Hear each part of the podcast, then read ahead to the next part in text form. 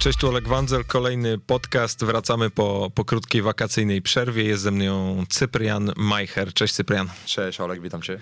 E, jest mi w sumie ciężko ciebie zapowiedzieć, bo wieloma rzeczami się e, parasz w życiu i ja cię wyhaczyłem w, ze względu na twój podcast Elite Mentality, ale jesteś rugbystą, jesteś byłym golfistą, jesteś właścicielem CrossFit Boxu, no ogólnie rzecz biorąc długa droga chyba za tobą, co?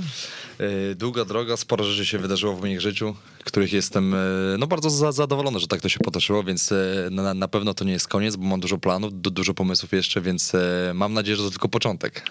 Dobra, to powiedz mi trochę, jak ty się w sumie znalazłeś w tym miejscu, w którym jesteś, no bo wiem, że masz przeszłość, tak jak mówiłem, w rugby, też twój ojciec był rugbistą, więc gdzieś ten sport był od samego początku w twoim, w twoim życiu. Jakbyś mógł powiedzieć trochę naszym słuchaczom, skąd, skąd się wziąłeś, kim jesteś i jaka jest twoja historia?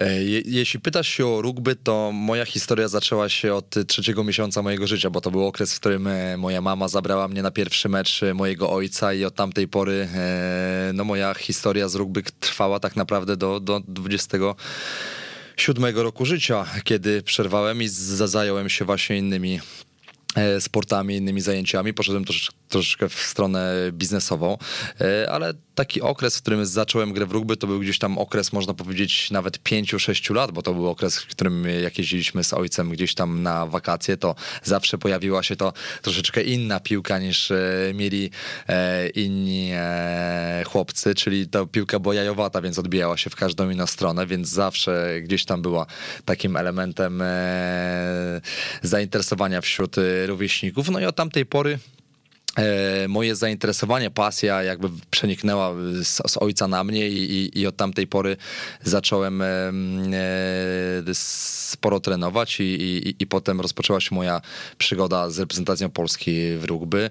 E, jeśli mielibyśmy przejść przez mój cały bibliografię, to, e, nie, to nie, moglibyśmy iść daleko. Ba, bardzo mnie to interesuje, bo po pierwsze rugby nie jest wcale tak oczywistym sportem, jak sobie myślisz o tym, czego byś chciał swojego dzieciaka nauczyć to po pierwsze. Po drugie, wydaje mi się, że to jest bardzo niedoceniany sport w Polsce i też zakładam, że miał spory wpływ na to, kim po pierwsze ty teraz jesteś, po drugie, czym ty się teraz zajmujesz, nie? I wiem, że też na pewno było sporo, spora jakaś intersekcja pomiędzy crossfitem a a rugby. I, i dlatego też o to pytam, bo e, no mimo wszystko według mnie bycie reprezentantem kraju w jakąkolwiek dyscyplinę jest ogólnie rzeczą fenomenalną i trzeba być z tego dumnym, więc na pewno bym chciał, żebyś trochę o tym powiedział, jak to jest być reprezentantem Polski w rugby, no bo to jest zajebista rzecz według mnie. Mm, to prawda, jest zajebista rzecz, szczególnie kiedy wychodzisz na stadion i nie wiem, 10, 15, 20 tysięcy ludzi krzyczy Polska, to jest w ogóle gdzieś tam poziom adrenaliny i jakby, który jesteś w stanie z siebie także wykrzesać dużo więcej siły, mocy jest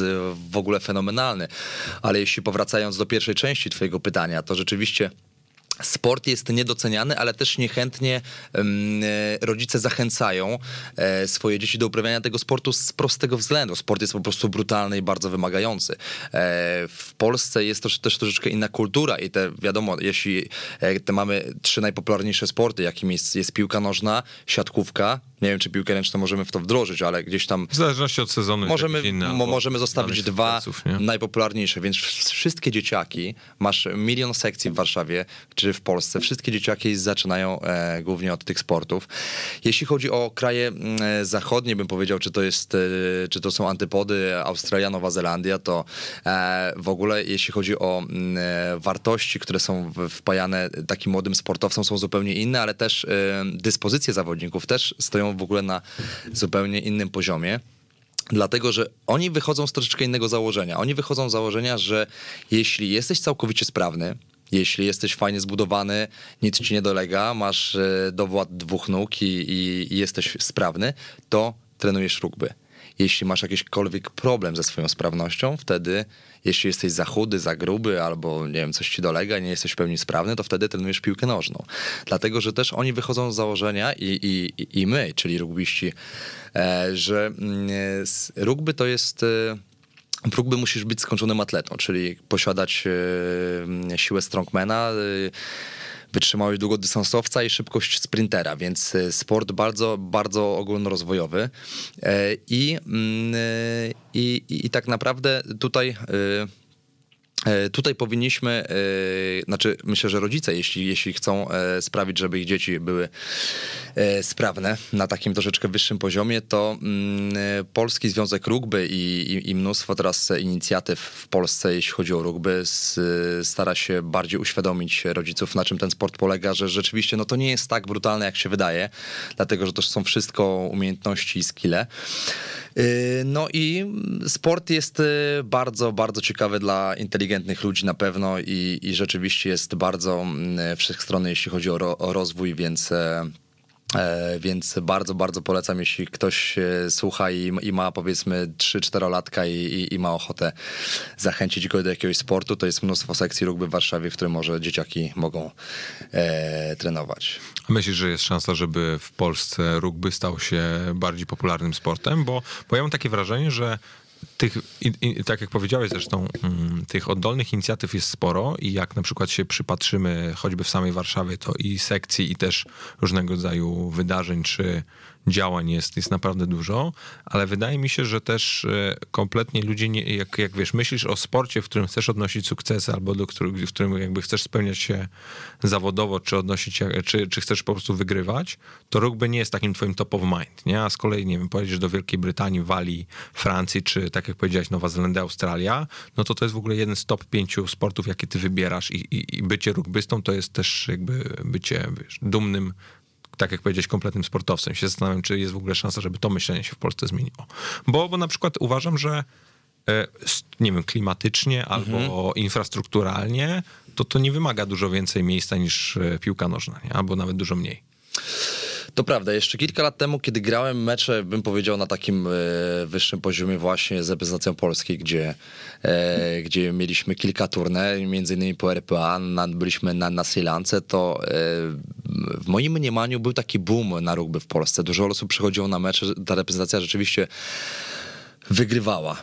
Teraz troszeczkę to się zmieniło y, i widzę, że jednak gdzieś tam dochodzimy do takiego punktu, w którym nie możemy iść dalej, dlatego że mamy mecze, gdzieś tam wszystko też y, y, bardzo duże znaczenie ma od tego, kto się zajmuje, kto jest we władzach związku, dlatego że to są ludzie odpowiedzialni za promocję tej dyscypliny, ale też bardzo dużą uwagę, bardzo duże znaczenie mają wyniki. Tych, wyniki, tych wyników później reprezentacja Polski nie miała albo miała troszeczkę gorsze, więc e, to był też taki element, który blokował ją przed wielką taką promocją w Polsce, ale, e, ale myślę, że każdy sport, myślę, że ty jak rozmawiasz nawet ze, ze, ze swoimi gośćmi, którzy trenują inne sporty niż piłka nożna czy siatkówka, to każdy sportowiec jest w stanie ci gdzieś tam powiedzieć te bariery, które w tym sporcie istnieją, bariery w związkach, gdzie rzeczywiście cały czas masz do, do, do, do czynienia z takim betonem mentalnym, gdzie ludzie nie potrafią docenić twojej pracy, jest mało pieniędzy, jednak e, wszystkie dyscypliny oprócz gdzieś tam siatkówki i, i, i piłki nożnej mają, żeby nie powiedzieć, że narzekają, ale mają gdzieś tam z tym problem, że zawsze są na drugim miejscu, że lekkoatleci, lekkoatleci wygrywają. Teraz E, tą... Drugie miejsce w Pucharze Świata. Tak, drugie miejsce czy tam w Pucharze Świata, czy, czy, czy tą klasyfikację medalową lekkoatleci, a, a i tak wszyscy mówią o tej piłce nożnej i, i, gdzieś tam e, to jest taka nisza, z której żaden sport nie może wyjść. I szczerze mówiąc, ja już troszeczkę straciłem nadzieję, że rugby gdzieś tam będzie tak popularny jak w, w krajach e, zachodnich, czy właśnie na antypodach, ale no ale mam nadzieję, że tych kibiców będzie coraz więcej, bo to jest piękny sport z wartościami, z tradycjami i i, i tak z roku na rok jest coraz lepiej, więc mam nadzieję, że ta passa dobra rugby będzie e, cały czas szła do góry. Bo grałeś w, za granicą, grałeś w Manchesterze, prawda? Tak, to prawda. E, jak ty w ogóle wspominasz tamten, tamten okres? No, no w pewnym sensie znalazłeś się no, poza właśnie, tak jak wspominałeś, antypodami, no to w Mekce rugby. Tak, na dokładnie. wyspach. Jeśli chodzi o grę w Manchesterze, to Manchester Rugby Club to jest najstarsza drużyna w ogóle na świecie. Pierwszy mecz, który, mm, e, który w ogóle został zagrany przez rugbystów, to właśnie między Manchesterem a Liverpoolem. W rugby oczywiście, więc e, historia, jeśli chodzi o rugby, była taka, że po prostu jeden z zawodników e, wziął piłkę w ręce, wkurzył się na zasady, jeśli chodzi o, o piłkę nożną, wziął piłkę w ręce i pobiegł z nią, położył ją za słupy. I właśnie to się właśnie zrodziło w tych dwóch miejscach. Jeśli chodzi o grę w Manchesterze, to była gdzieś tam taka druga liga angielska. Moim zdaniem to był bardzo wysoki poziom. Też udało mi się mm, grać z Jasonem Robinsonem, czyli, czyli na, na, znaczy grałem na, naprzeciwko niego, czyli to jest jedna z największych gwiazd światowego rugby pokroju Johnego Wilkinsona, więc to jest taki bardzo fajny okres w moim życiu, który może nie trwał zbyt długo, ale, e, ale też nauczył mnie takiej brutalności, e, jeśli chodzi o rugby i, i naprawdę ciężkiej pracy, bo trenując kilka, spędzając tak naprawdę cały dzień na trenowaniu i nad takimi technicznymi aspektami bardzo wymagającymi i mm, ta szkoła była angielska bardziej taka mm, brutalna, agresywna I, i, i to myślę, że potem przekłada się na warunki polskie, gdzie y, przyjeżdżając do Polski możesz rzeczywiście na stałe zaistnieć e, w kadrze polskiej i pokazać swoje umiejętności takie, bym powiedział, na takim e, dość fajnym poziomie. A czemu skończyłeś tak wcześnie? Yy, czemu skoń... Relatywnie oczywiście. Czemu skończyłem tak wcześnie? Można powiedzieć, że mm, skończyłem tak wcześnie, bo y, zacząłem w bardzo wczesnym wieku i pułap albo osiągnięcia, y, jak na mój wiek, y, były, muszę powiedzieć, jak na polskie warunki były dość wysokie, bo cztery razy zdobyłem Mistrzostwo Polski w rugby z seniorami, dwa razy, trzy razy z Lechią Gdańsk, z budowlanymi Łódź SA, pięć razy nawet teraz sobie obliczyłem. Y, jakieś Mistrzostwa Polski w odmianie siedmioosobowej, Mistrzostwa Europy, więc grając kolejny sezon w drużynie w polskiej lidze, nie miałem już y, takiej motywacji, bo nie miałem co dalej osiągnąć. Nie, nie mieliśmy jakichś turne międzynarodowych. To był gdzieś tam w klasie może troszeczkę taki marazm i już od, y, trenując od ósmego roku życia, codziennie robiąc to samo, uprawiając ten sport i jakby spotykając się z tymi samymi ludźmi, to przychodzi taki moment, w którym masz ochotę coś zmienić. No i właśnie, y, jeśli na mojej drodze w, tego, w tym czasie, czyli gdzieś tam, jeśli chodzi o początki crossfitu w Polsce, trafiłem właśnie na to, czyli to był gdzieś tam 2011-2012 rok, jednak to był, to, to był taki fenomen nie tylko na skalę krajową, ale też dla mnie e, osobiście, bo e, całkowicie e, całkowicie przewartościowałem swoje przygotowanie i, i, i moja pasja, można powiedzieć, że tak odpłynęła, jeśli chodzi o rugby, odpłynęła do morza i był taki duży przypływ właśnie tej nowej adrenaliny, takiej nowej pasji właśnie w postaci crossfitu i stwierdziłem, że e, to jest czas najwyższy, że gdzie nie mogę już nic więcej zrobić w tym polskim rugby i stwierdziłem, że e, chciałbym coś zmienić e, i, i właśnie to zmieniłem. A co cię w crossficie najbardziej kręci? Dobre pytanie, muszę ci powiedzieć. Jeszcze nikt mi takiego pytania nie zadał, jeśli chodzi o crossfit, ale najbardziej, mm, najbardziej chyba kręci mnie mm, to, że to jest sport indywidualny.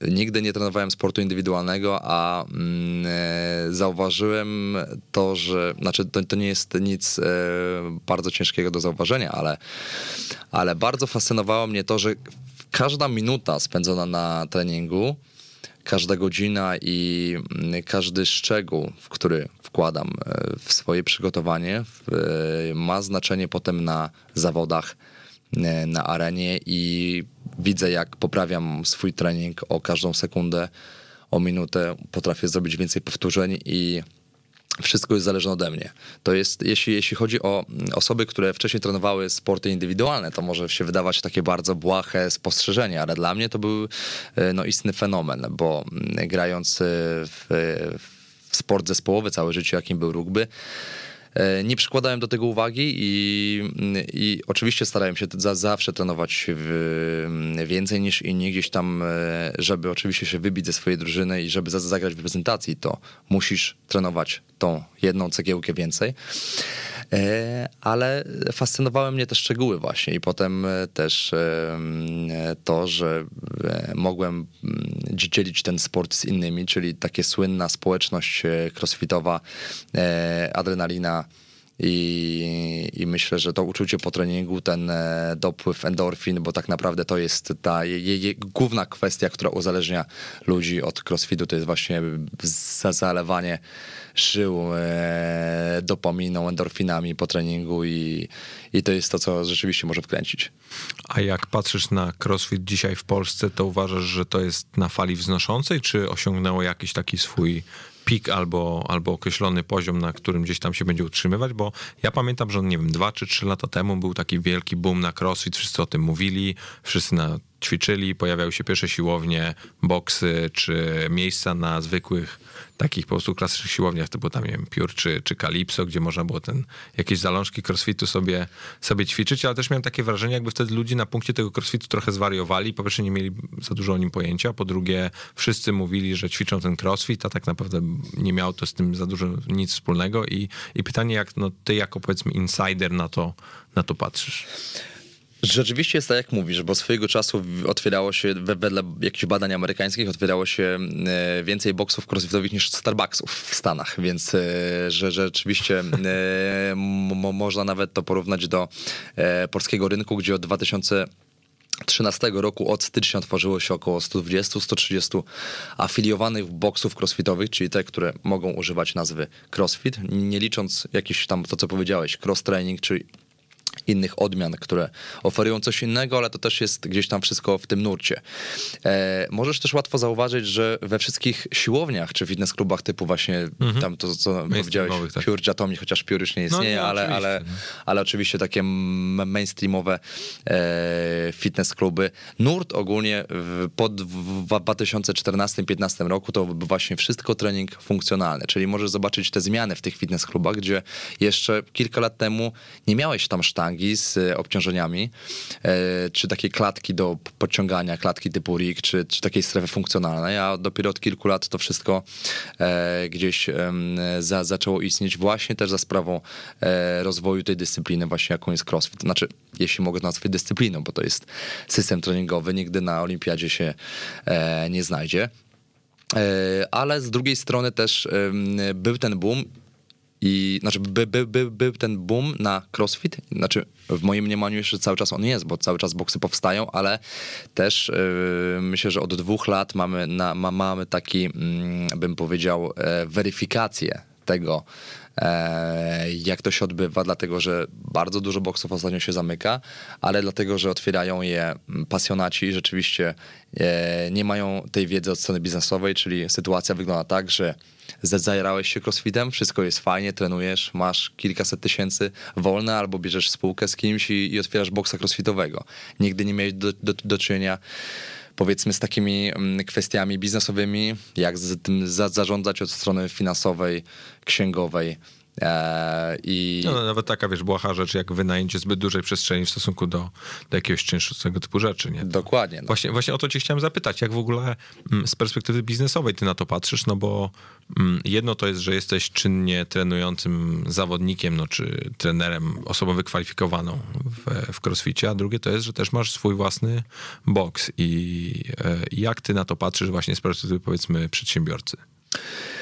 Z tej perspektywy uważam, że to jest e, bardzo fajny biznes. E, oczywiście masz tam sufit, co rzeczywiście troszeczkę jest e, dla mnie może takie nie, nie do końca mm, akceptowalne. To znaczy wiązało się to z tym, że miałem tego świadomość otwierając klub, ale to nie jest biznes skalowalny. Czyli jeśli chciałbyś powiedzmy zarabiać więcej, czy czy się rozwijać, to po prostu musisz otwierać nowe kluby, bo jeśli, jeśli w twoim klubie, jeśli masz powyżej tam 350 osób, to, to już jest twój sufit. To już nie możesz iść dalej, nie możesz gdzieś tam się też rozwijać i, e, i, to, jest, i to jest fajny biznes, bardzo przyjemny, masz kontakt z ludźmi i, i możesz się wykazać, ale, ale minus jest taki, że nie jest skalowalny i, e, i ma sufit ale no bo jedno to jest, że nie jest skalowalne w takim rozumieniu, że po prostu ma ograniczenia pod względem po prostu ilości ludzi, które możesz przyjąć, no ale z drugiej strony masz jakieś, nie wiem, modele franczyzowe albo, albo opcje rozrastania się pod względem sieci klubów i pytanie, czy w ogóle myślałeś o czymś w, te, w tego typu Wiesz co, to kierunku? jest, jeśli chodzi, jeśli chodzi o rynek fitness, to yy, boksy crossfitowe to jest taki segment specjalistyczny, w którym yy, gdzieś tam każdy jest yy, takim odrębnym bytem i, e, i trudno jest zrobić sieć takich miejsc, mhm. dlatego że też taki, e, bym powiedział, ten segment butikowy, specjalistyczny opiera się na takiej bardzo dość głębokiej relacji yy, z. Z, z, klubowiczami, z klientami, więc, więc ciężko jest za, za, zatrudnić osobę, która tym tylko za, zarządza, więc myślę, że tutaj jest bardzo fajna korelacja w takich miejscach właśnie połączenia takiej pasji do crossfitu i takiej wiedzy biznesowej. Mm, chociaż z drugiej strony mm, jeden z najlepszych zawodników crossfit na świecie, czyli Jason Kalipa otworzył e, ponad 20 klubów crossfitowych i stworzył tego sieć NC Fit, nawet zrezygnował z afiliacji, czyli z używania tej nazwy. No i on pokazuje, że mm, no można tak zrobić, że można otwierać dużo placówek i, e, i i czerpać z tego fajne korzyści. Ale to rzeczywiście jest, myślę, że mm, e, myślę, że na to przyjdzie jeszcze czas, ale to jest gdzieś tam e, bardzo fajna możliwość. A jeżeli chodzi o takie twoje prywatne cele związane z crossfitem, to, to masz jakąś taką swoją listę albo coś, do czego dążysz w tym akurat segmencie? E, jeśli chodzi o ten segment, to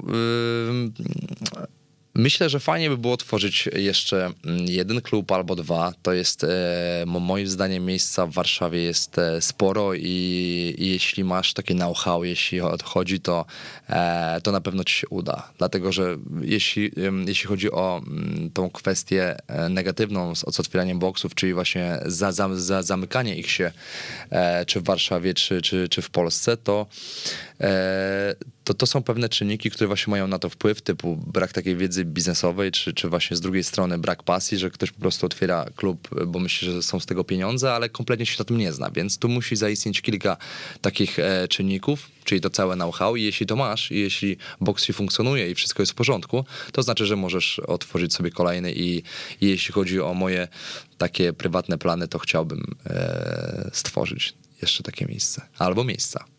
A jak patrzysz na, na crossfit też od tej strony powiedzmy bardziej społecznościowej, to widzisz widzisz tą taką, bym powiedział, trochę część jakiegoś, nie wiem czy to dobrze zabrzmi, ale takiego pewnego rodzaju sekciarstwa, bo nie, nie, bo to jest, bo to jest taki, bo to jest też taki argument, który ja bardzo często słyszę, ja się z nim jakby prywatnie nie zgadzam, ale widzę, że ludzie bardzo często powtarzają, że, że wchodzą do tego boksu na przykład pierwszy raz i się czują tym totalnie przytłoczeni, bo są ci ludzie, którzy krzyczą, ktoś tam rzuca sztangą, ktoś, e, ktoś coś robi i się z automatu wchodzisz w pewnego rodzaju mocno zamknięty krąg, do którego czujesz, że nie przynależysz. I, a z drugiej strony wiem, że jak już do, ktoś do niego wejdzie, to też czuje się mega związany z tą społecznością. Się zastanawiam, jak to teraz wygląda i, i jak e, według ciebie ludzie to, to odbierają, albo jak sprawić, by nie zrażali się do, mm-hmm, do crossfitu?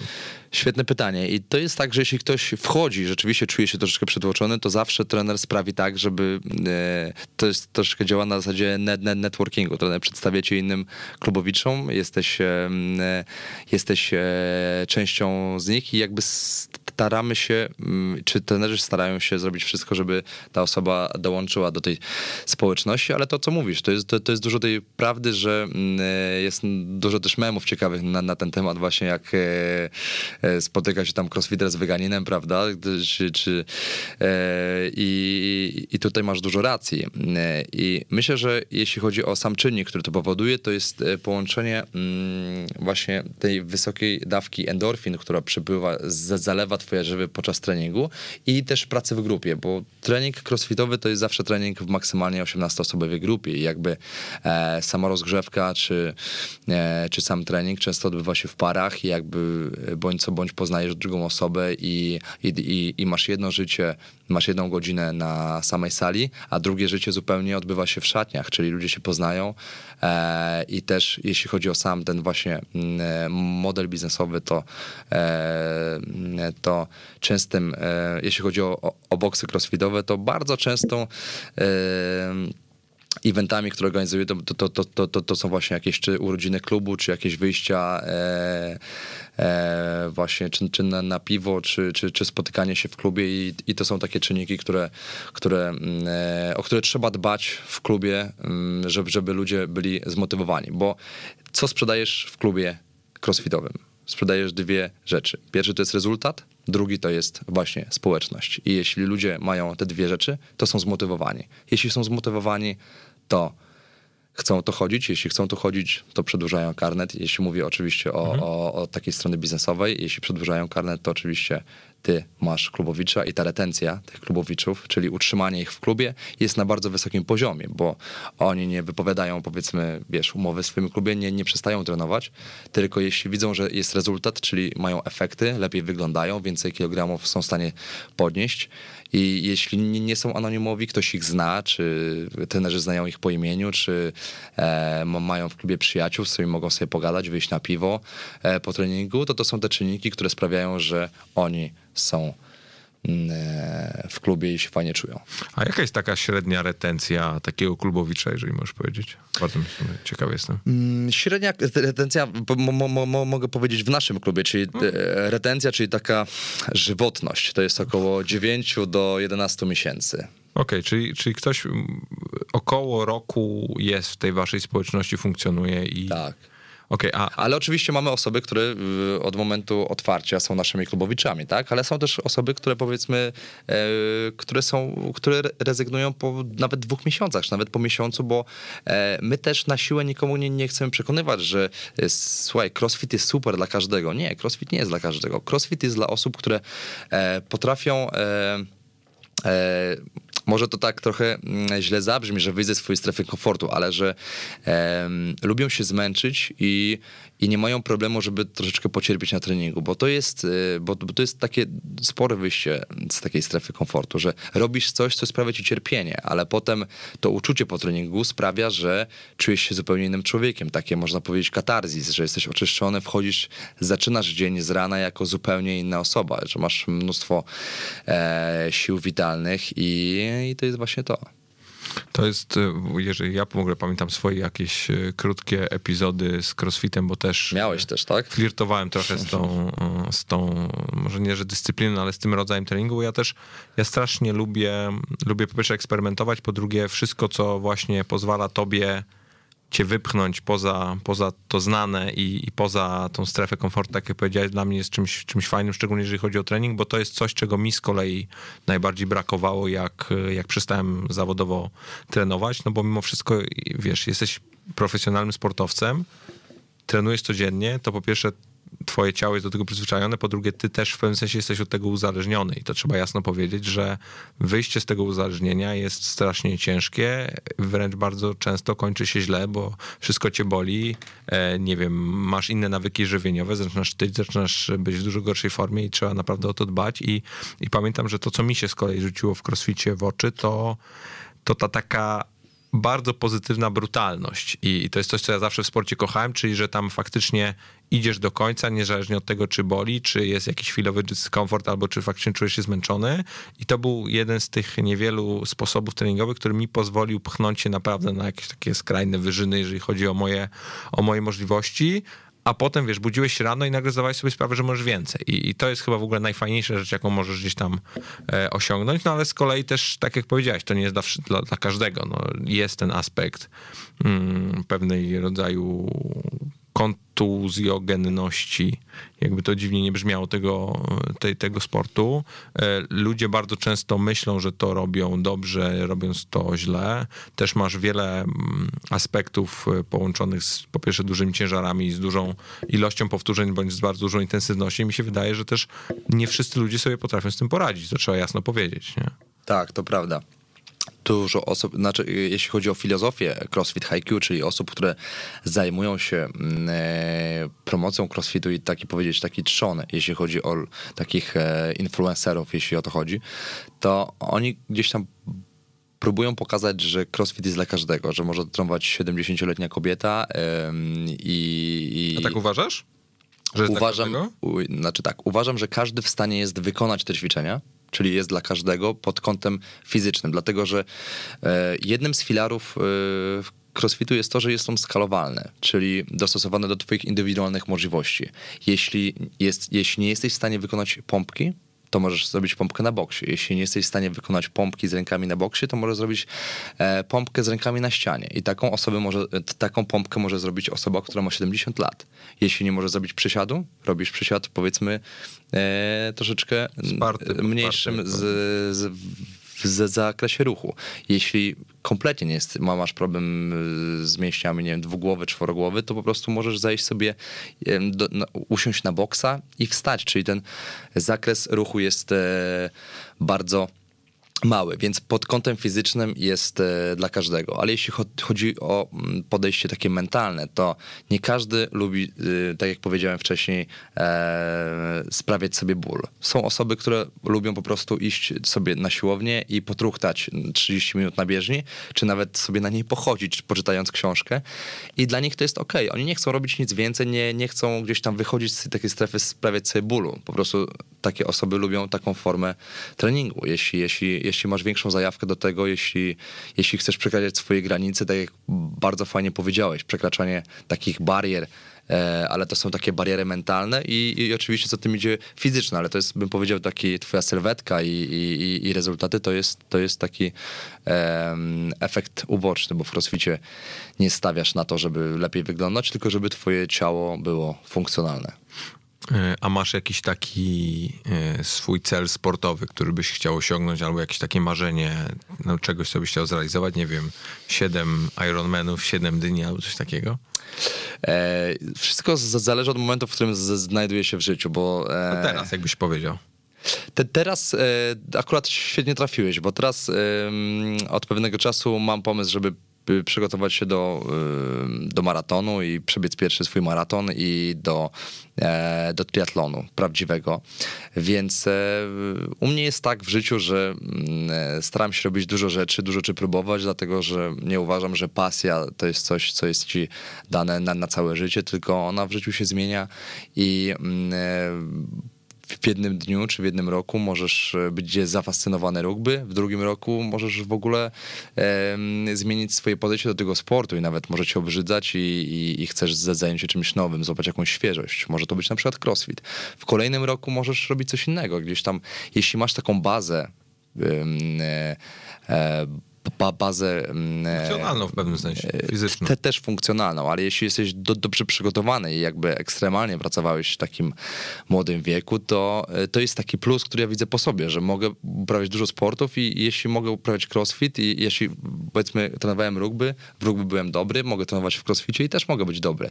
Mogę, jeśli mam taką bazę, czyli jestem dobrze przygotowany fizycznie, mogę też sobie przebiec maraton, a potem triatlon i próbować dużo innych rzeczy i, i, i też przekazać swoje granice bo, bo jeśli dochodzisz do takiego pewnego momentu, w którym już nie możesz iść dalej, albo coś się wstrzymuje, nie, nie masz takiej motywacji, e, e, gdzie nie, nie, nie stawiasz sobie wyższego celu, to już e, to, to jest ciężki temat, żeby o to zadbać. Dobra, no to pogadajmy trochę o tym przekraczaniu barier, bo e, jeżeli ja przynajmniej to dobrze interpretuję, no to tego troszeczkę do, dotyczy twój podcast. Chcesz pokazać ludziom, ludzi, którzy albo mają doświadczenia, albo mogą pomóc w kreowaniu takiej pewnego rodzaju mentalności zwycięzców. I powiedz, jakbyś ty tak ten swój podcast mógł troszeczkę opisać, bo, e, bo zdaję sobie sprawę, że nie wszyscy muszą go tutaj słuchać. Jakbyś to miał tak w dwóch, trzech słowach streścić. Jasne, czyli z założenia mm, podcast jest dla osób pragnących poznać sposób myślenia, nawyki i mentalność ludzi, którzy e, osiągnęli mistrzowski poziom w swoich dyscyplinach, czyli rozmowy z, z ciekawymi osobami, ale też nie, nie chodzi o same wyniki, ale też osoby, które mają coś ciekawego do powiedzenia, bo jeśli osiągasz sukces i robisz to nie, nieświadomie, to nie jesteś w stanie do końca przekazać e, takich kluczowych czynników czy szczegółów, na które zwracasz uwagę. I ja wychodzę z założenia, że mentalność e, zwycięzców to jest taki zespół zachowań, których może nauczyć się każdy.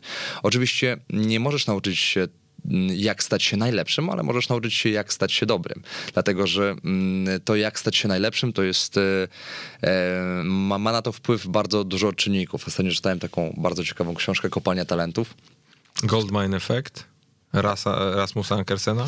Nie pamiętam autora, szczerze ci powiem, e, ale... Mm, e, ale... Gość lata po świecie do ośrodków, gdzie są topowi sportowcy w określonych dyscyplinach. E, dokładnie.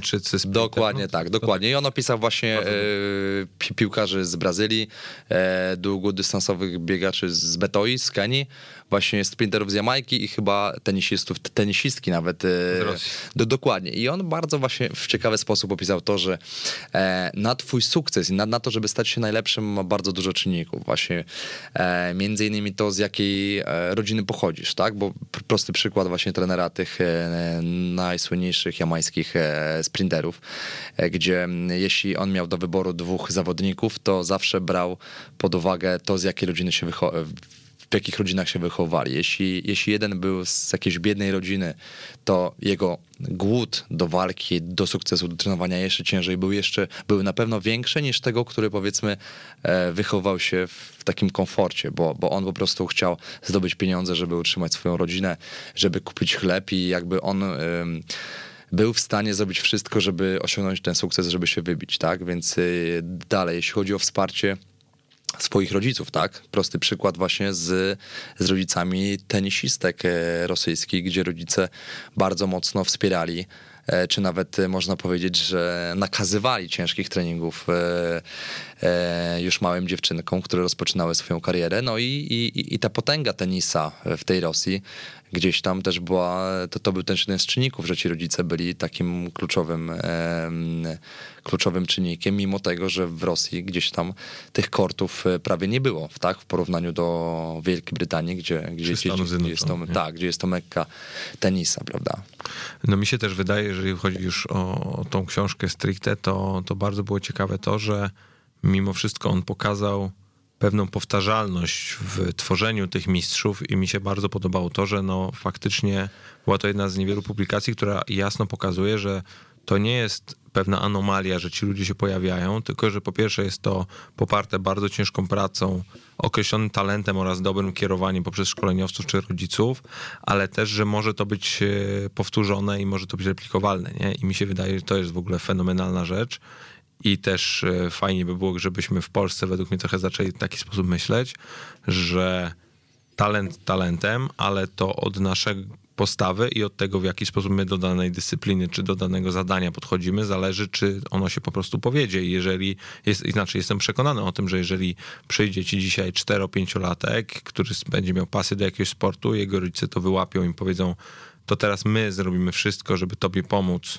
Oczywiście w granicach rozsądku, żebyś ty ten swój cel osiągnął, albo żebyś został zawodowym sportowcem w tym, w tej dyscyplinie, to on tym sportowcem zostanie. I to jest e, według mnie najważniejsza rzecz w ogóle, którą musimy szerzyć im o nim mówić, żeby, żeby pokazać ludziom, że to od nich zależy tak naprawdę, dopóki mają pewne predyspozycje, e, że mogą w tym e, sporcie mniejszy bądź większy sukces osiągnąć, bo to w wielu przypadkach wiesz, zależy od szczęścia bądź jakichś tam czynników zewnętrznych, ale do jakiegoś poziomu dojdziesz, nie? To 10 tysięcy godzin to jest ta żelazna zasada, że to faktycznie jak to odbębnisz, to, to, to, to zajdziesz wysoko. Nie? Tak jest, to co powiedziałeś, czyli, e, czyli ta żelazna zasada Malcolma Gladwella. 10 tysięcy godzin wystarczy ci, żeby stać się ekspertem w jakiejś dziedzinie, czyli jeśli przekładając na sport, stajesz się dobry. Ale mm, tak jak też yy, mówię w podcaście o tym, że tak jak ci powiedziałem, że Mentalność zwycięzców to, jest, to, jest, to są e, nawyki i zespół zachowań, których może się na, nauczyć każdy, ale tutaj jest, e, bym postawił taką dużą e, granicę między, między tymi dobrymi a najlepszymi, bo tego gdzieś tam już tak e, gdzieś tam mieliśmy opisane bardzo ciekawie w tej książce, że to jest gdzieś tam naprawdę dużo czynników musi się złożyć, żebyś ty był na najlepszy wśród tych, e, wśród tych dobrych. Czyli to są właśnie też te predyspozycje, ale predyspozycje, mm, bym powiedział, zewnętrzne, bo jeśli chodzi o, o kwestie genetyczne, to, to gdzieś tam akurat e, tutaj w tej książce jakby taki mit, że, że gdzieś tam o, o włóknach szybko i wolno kurczliwych, jeśli chodzi o długodystansowcach, to jest jakby gdzieś tam zupełny mit, bo oni gdzieś tam trenują na bardzo e, na, w bardzo ciężkich e, warunkach, gdzie mm, e, rozrzedzenie tlenu,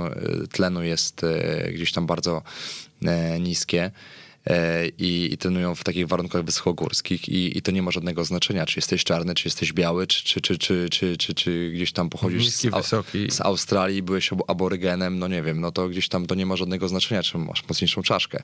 To gdzieś tam większy to, to są te predyspozycje i, i właśnie te czynniki, które miały wpływ w takim okresie socjalizacji, w, jakim, w jaki sposób się wychowałeś, e, i jakich miałeś rodziców. I, i jakby, no, no mistrzowie to jest ewenement tacy najlepsi, więc e, jakby wydaje mi się, że tego się nie da nauczyć i myślę, że ci sami topowi sportowcy na świecie, oni mogli nawet żadnej książki nie przeczytać, ale po prostu oni to czują i głód zwycięstwa jest taki jak głód mm, jedzenia, czyli, czyli to jest, e, czy to są bardzo silne emocje, emocje, których nikt, absolutnie nikt nie jest w stanie się nauczyć. A masz jakiegoś takiego mistrza, na którego ty zawsze patrzyłeś, który był dla ciebie takim wzorem, albo wciąż jest wzorem, jeżeli chodzi o sport? Wiesz co, jeśli chodzi o ta, taką moją drogę całą, to mm, szczerze ci powiem, że nigdy nie miałem żadnego autorytetu ani idola, ani na nikim się nie, nie wzorowałem, tylko e, starałem się e, zawsze przekraczać swoje granice, które miałem w głowie i, i, i tak samo gdzieś tam mam do dzisiaj, że nie, wychodzę z założenia, że no, nie, nie, nie, nie staram się porównywać z nikim, bo jedyną osobą, z którą mogę się porównać jestem ja sam z wczoraj.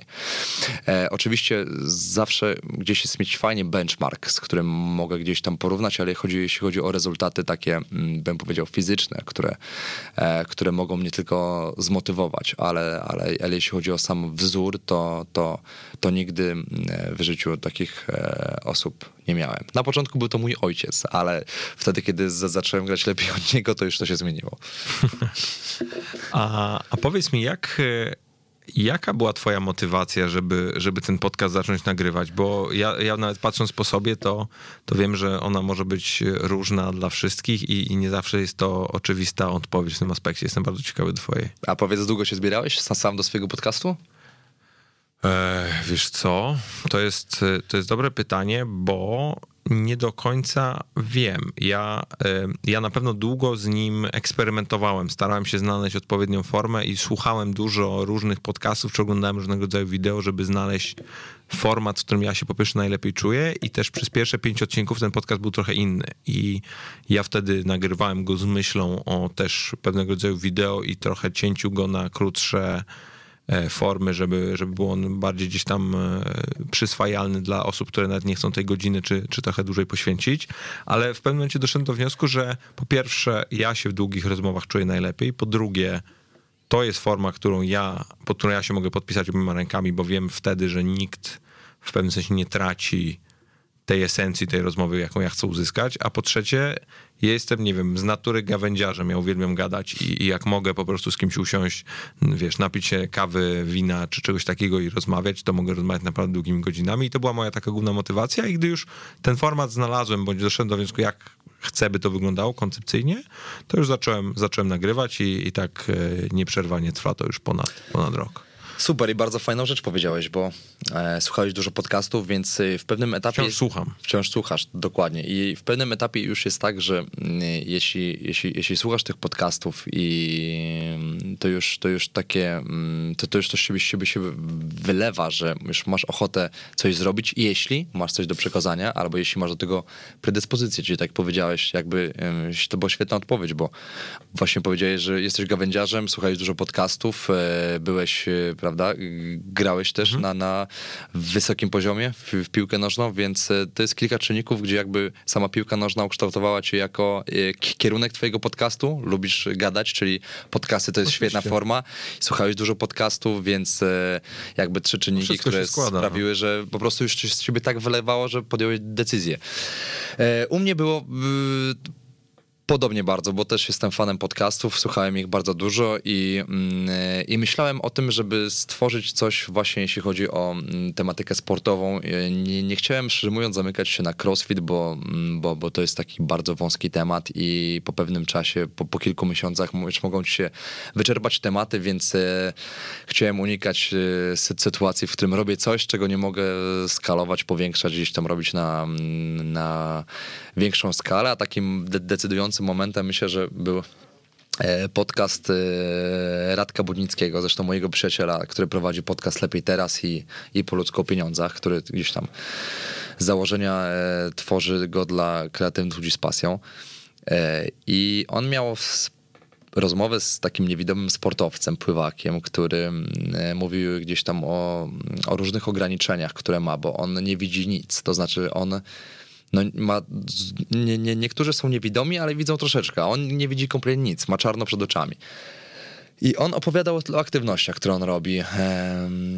Jest y, raperem, czyli rapuje, nie wiem jak to się nazywa, ale, ale, jest, ale jest pływakiem, pływa grzbietem. W ogóle jak można nic nie widząc i pływać e, w wodzie, więc e, no, robi mnóstwo aktywności i, i jakby E, cały klub podcastu było właśnie tego, że, mm, który ja wyciągnąłem, że, mm, że gdzieś tam, bo to były też pewne, pewnego rodzaju obawy, bo wiadomo, jeśli rozpoczynasz jakiś projekt, to to, to się wiąże może troszeczkę, może nie, nie z hejtem, ale też często z jakąś krytyką, bo, bo, bo E, bo to jest coś gdzieś tam naturalnego i każdy, kto za, zaczyna coś, e, no, jakiś nowy projekt, to gdzieś ma z tyłu głowy i te takie rzeczy i, i pewne obawy.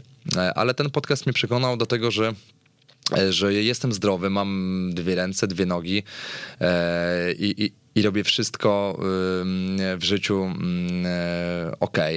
Więc e, dlaczego stawiam sobie barierę, dla których miałbym tego nie zrobić? I to był tak naprawdę taki bodziec, w którym e, podjąłem od razu decyzję, że e, zaproszę pierwszą osobą do podcastu, czyli właśnie na, na najlepszego zawodnika w Polsce, Bartka Lipkę i, i tak się umówiliśmy, mimo że nie miałem kompletnie nic, zanim go zaprosiłem, więc pojechałem do niego, mówię, Bartek, chciałbyś wystąpić w moim podcaście? Z chęcią bym z tobą porozmawiał na kilka tematów, ale wtedy nie miałem kompletnie nic, czyli ani nie miałem mikrofonu, nie miałem pomysłu na nazwę podcastu, na temat, kompletnie na nic, ale wiedziałem, że chcę to zrobić, więc wedle mojej życiowej zasady najpierw robię, potem myślę oczywiście. Troszeczkę, mm, e, troszeczkę gdzieś tam nawiązuję do tego, że, e, że im częściej im, im więcej myślisz nad jakimś nowym projektem, tym więcej obiekcji albo ludzi się pojawia, którzy powiedzą, ej stary, nie rób tego, albo, albo, albo pojawia ci się dużo takich aspektów za nie, których, e, dla których nie, nie, nie powinieneś czegoś rozpocząć. No i, i właśnie zaprosiłem go, porozmawialiśmy i od tamtej pory zacząłem wymyśleć nazwę podcastu, odcinka i w ogóle formułę, jak to będzie wyglądać. A jak patrzysz na, na nasz kraj, to uważasz, że Polacy potrafią mieć tę mentalność zwycięzców? Mm, dobre pytanie mi zadałeś e, teraz. Pytam, wiesz, o to, bo ja się też nad tym zastanawiam, nie? Bo z jednej strony widzę ludzi, którzy faktycznie te bariery przełamują i potrafią e, osiągać niesamowite rzeczy i, i, są dumni z tego, że, po, że pochodzą z Polski, ale wiem też, że są ludzie, którzy kompletnie E, nie, nie, patrzą na to, są wręcz życzą drugiej osobie negatywnych, e, negatywnych rzeczy i, i tego nie rozumiem. Nie wiem, jak ty na to patrzysz. Mhm, znaczy, jeśli, jeśli specjalizuje, nie? Jasne, jeśli, jeśli, jeśli, jeśli mówimy o mentalności zwycięzcy, to, e, to każdy z nas ją ma, jeśli porównujemy się do samych siebie. Samych siebie z wczoraj, bo do takich ludzi możemy się porównywać. I jeśli wczoraj czegoś nie mogłeś zrobić, albo czegoś nie zrobiłeś i dzisiaj to zrobiłeś, no to, to, to, to jesteś w swoim przekonaniu zwycięzcą. Jeśli, jeśli mówisz o mentalności, czyli no gdzieś tam o takiej mentalności Polaków, którą ciężko mi też zdefiniować, bo też nie, nie lubię, szczerze mówiąc, y, krakać na nią, że, że, że, że to jest mentalność y, na, narzekaczy, ludzi, którzy mają kompleksy, mm, homofoby różne, mhm. jeśli chodzi o, o, o, e, o nację, to, mm, to, to rzeczywiście no, na, na pewno pojawia się dużo barier i, i takich ograniczeń, które też często stawiamy również ze względu na, na mm, e, socjalizm, który miał miejsce, ale, e, ale, ale, ale bardziej mm, odnosiłbym to do takiego indywidualnego aspektu, że każdy ma w sobie taką mentalność zwycięzcy i, i to jest wszystko kwestia barier, które sami ze sobą i, i czy jesteśmy lepszą wersją siebie, ale e, właśnie z tej, której byliśmy wczoraj, bez porównywania się na pewno z innymi. A jak patrzysz na, na ten swój podcast, to masz jakiś taki określony cel, horyzont albo coś, do czego dążysz? Jakby ma, ma to jakiś cel taki długoterminowy, czy raczej traktujesz jako otwarty projekt? To jest y, otwarty projekt, który y, zrodził się tylko i wyłącznie właśnie y, z takiej, myślę, czystej pasji do podcastów, ale też staram się, jakby moim celem w podcaście jest wydobycie takiej głębszej strony z słuchaczy, czyli porozmawianie o takich właśnie aspektach e, mentalnych, bo to mnie interesuje, czyli takie szczegóły, dlaczego oni są lepsi od innych, czyli takie kwestie właśnie mm, nastawienia, to w jaki sposób oni się mm, wychowywali, czy jakie wsparcie dostali e, z, od rodziców. Kiedyś e, e, Karl Fussman z, podczas takiej rozmowy z Gorbaczowem na wizji przy gdzieś tam godzinach szczytu, jeśli chodzi o oglądalność, zadał gdzieś tam Gorbaczow oczekiwał od niego, ta, ta, ta, ta, taka ciekawa anegdota, oczekiwał od niego pytania o, o, o, o pierestrojkę, politykę Reagana czy broń atomową, a on zapytał się jego, czy jaka była najważniejsza lekcja, której, której udzielił panu e, ojciec. I to są takie pytania, których e, których stara się gdzieś tam wydobywać e, może taką głębię z takich e, rozmówców i, i, i docierać nie do głowy, tylko e, może żeby nie powiedzieć do, do serca, czy ty, ty, ty, tylko... Mm, gdzieś dalej, nie? Tak, gdzieś dalej, żeby ta rozmowa naprawdę miała taką wartość, bo, bo szczerze mówiąc mnie nie interesują rozmowy typu, wiesz, kiedy się rozpoczęła twoja przygoda z tym, w tym roku, bo to są rzeczy, które gdzieś tam nie mają znaczenia, jeśli nie mają odniesienia to o tych czynnikach, o których rozmawialiśmy, czyli jakie czynniki wpłynęły na twój sukces. Mnie interesują te szczegóły właśnie, które odróżniają ciebie od innych, bo ty jesteś w moim mniemaniu, znaczy w moim mniemaniu, ty jesteś zwycięzcą, ja rozmawiam z takimi osobami, które które e, wchodzą na szczyt w jakiejś dyscyplinie i, i, i staram się też pokazać rozmówcom, że oni przejmując te e, zachowania, czy zespół y, zachowań mogą stać się, może nie tacy sami, ale, ale mogą e, stać się na pewno lepszymi osobami taki jest cel tego podcastu. Dobra, a jak na zakończenie miałbyś taką jedną myśl ludziom przekazać, to co byś powiedział? Jakąś swoją, nie wiem, mantrę, mądrość życiową albo coś, co byś chciał, żeby ludzie zapamiętali z tej naszej rozmowy? Um, sam zadaję takie pytanie często słuchaczom i to mnie e, za często e, go, go, go, gościom e, podcastu i troszeczkę mnie zdziwiłeś, ale, ale na pewno taką mądrość, którą mógłbym przekazać ciebie, to jest to, żeby skupiać się na swoim najgłębszej intencji życia, na najgłębszym celu, czyli żeby uświadomić sobie, że najważniejszą osobą w życiu nie jest twoja żona, dziecko, rodzice, tylko jesteś ty sam, dlatego, że jeśli ty sam nie zwiększasz swojej wartości, to, to ludzie, którzy są wokół siebie, też e, nie będą mieli tej wartości od ciebie i, i twoja pozycja nie, nie będzie mm, e, taka zabudowana, więc e, skupienie się na takim, na, na, na najważniejszej kwestii sensu istnienia twojego życia, czyli mówię też o takim rozwoju duchowym, a potem często ludzie za, za bardzo skupiają się takim, wiesz, rozwoju osobistym, usprawieniu swoich gdzieś tam jakichś cech miękkich, a za, zapominają o, o, gdzieś tam o takim